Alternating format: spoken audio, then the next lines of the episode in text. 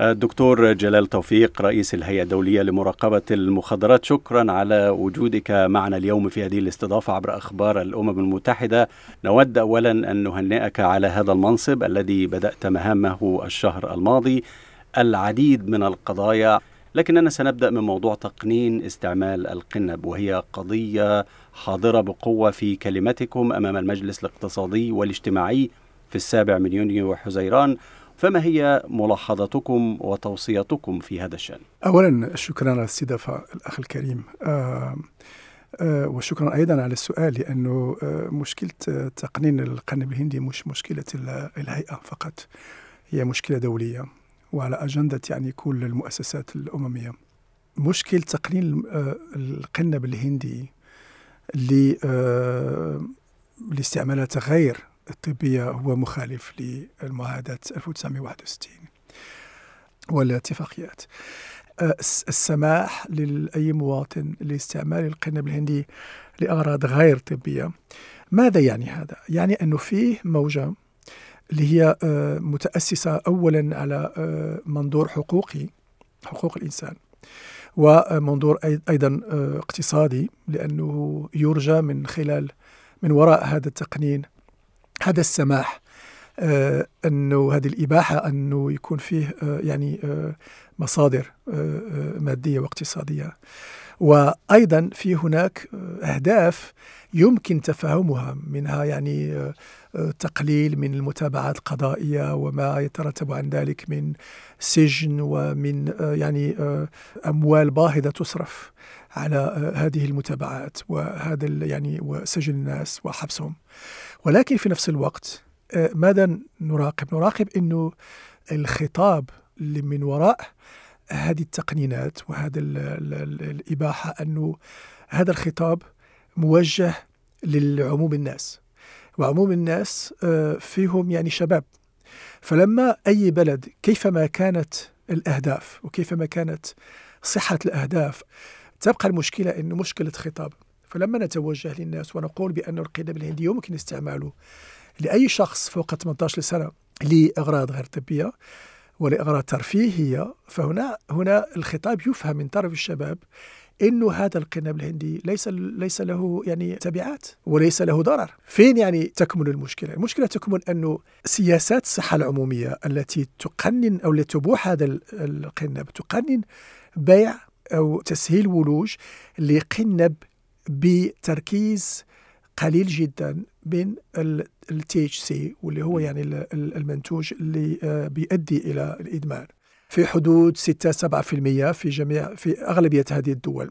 لكن ما يباع في الشارع وما يلجأ إليه الشباب لما ينظروا إلى القنب كأنه غير يعني مضر وغير خطير فهم يلجؤوا إلى قنب لا علاقة له بالقنب الذي تسمح هذه الدول للولوج إليه من طرف أكثر من 18 سنة.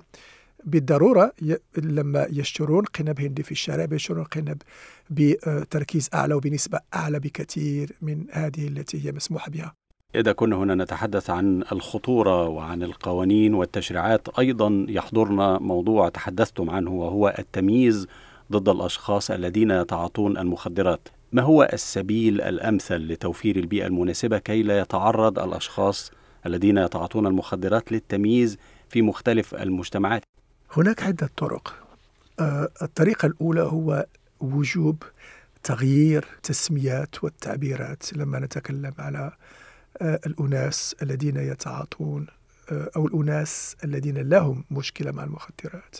هذه أمور لازم اولا التعاطي معها يعني بجدية حتى نغير المفاهيم. ثاني حاجة وهي التوعية والتحسيس. لازم إنه يكون فيه تعامل بجدية أيضا مع تلقين الناس وتحسين ما يسمى بيداغوجيه يعني الساكنة العامة بالنسبة لهذه المشكلة كمشكلة صحة وليست مشكلة سلوكات منحرفة. سأنتقل إلى موضوع آخر وهو استخدام المؤثرات الأفيونية الاصطناعية قوية المفعول والتي ترتبط بعدد متزايد من الوفيات الناجمة عن تعاطي جرعات مفرطة. كيف تتعاملون مع هذا الأمر الذي يتصاعد في كل يوم في العديد من الدول؟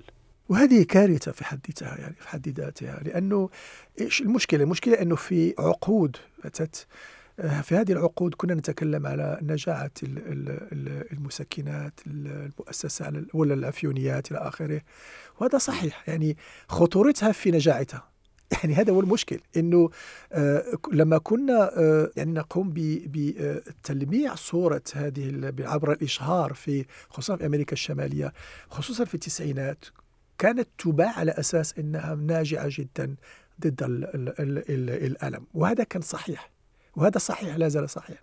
لكن الإفراط في آه في وصف هذه المواد أصبحت تؤدي إلى إلى إدمان كبير وأصبحت أصبح الناس الذين لم يستطيعوا أن يقوموا بشرائها أو بالولوج إليها يبحثون عليها في الشارع ويشترون من السوق السوداء مماثلات لهذه المواد الأفيونية وهناك يعني التسممات والموت الناتج عليها.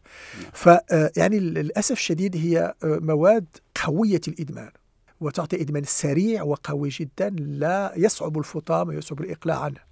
وتؤدي في آه، عدد كثير من الحالات إلى الموت.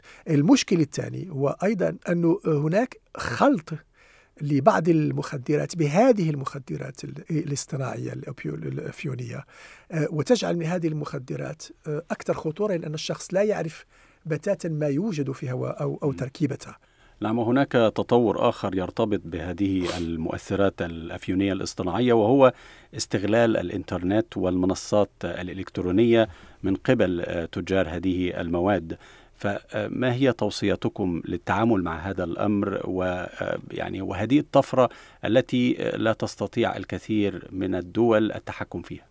وهذا الأخ الكريم يجعل الهيئة أنه اختارت لي تقريرها 2023 يعني التقرير القادم وهو استعمال الإنترنت واستعمال آه، شبكات آه، التواصل الاجتماعي آه، في مشكل الترويج والاستعمال. على فكرة الاستعمال الإنترنت والشبكات التواصل الاجتماعي في آه، يعني في بزاويتين الإيجابية والسلبية لأنه يمكن استعمالها أيضا في التحسيس والإرشاد والتوعية والوقاية. أيضا. آه هذه مشكلة آه بالنسبة لي تستدعي منا آه كمجتمع دولي أن يكون فيه يعني تعاون مستحيل أن دولة واحدة أو منطقة واحدة أن يمكن أن تتعامل مع هذا المشكل وتجد له آه، يعني آه، حلول بدون تواصل وبدون نوع من من من التنسيق والتعاون الدولي. إذا انتقلت إلى موضوع آخر وهو كان هناك اهتمام كبير به في التقرير الأخير وهو ضمان الحصول على كميات كافية من المواد الخاضعة للمراقبة الدولية للأغراض الطبية والعلمية يعني ما هي أبرز الإشكاليات والتحديات على هذا الصعيد؟ هذا سؤال وجيه ومهم جدا لأنه آه وهذا أهم شيء بالنسبة من أهم الأشياء التي نلح عليها في كل اجتماعاتنا. يعني كيف أن نوافق ما بين آه الإفراط الموجود في بعض الدول في آه يعني وصف وفي آه سهولة الحصول على هذه المواد آه، والذي يؤدي إلى كارثة عظمى وهي كارثة يعني مشكلة الأفيونيات في أمريكا الشمالية. والمنظور الذي قد يتغير عند عند عاملين في القطاع الصحي في بلدان أخرى حول يعني خطورة هذه المواد. وفي نفس الوقت قلتها وندرتها وصعوبة الولوج إليها في هذه الدول.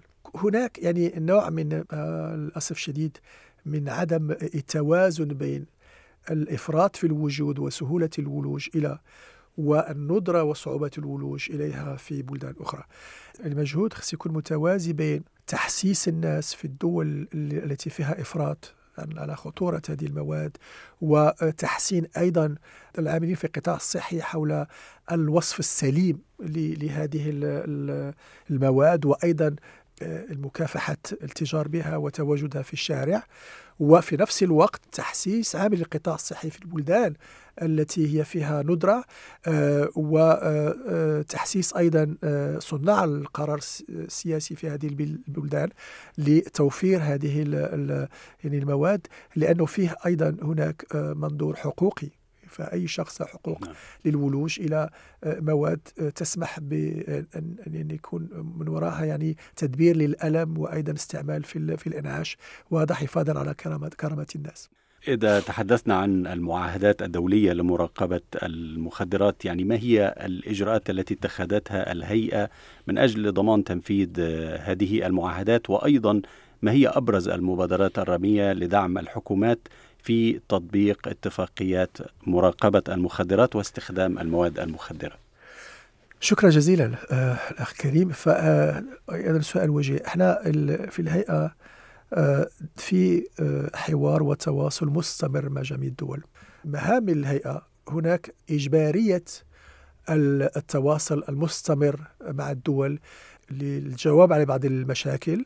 للتفاهم حول حول بعض المفاهيم وأيضا لتصحيح بعض المفاهيم وأيضا لنقل الخبرة والتواصل مع هذه البلدان وأيضا نعم. لمساعدة البلدان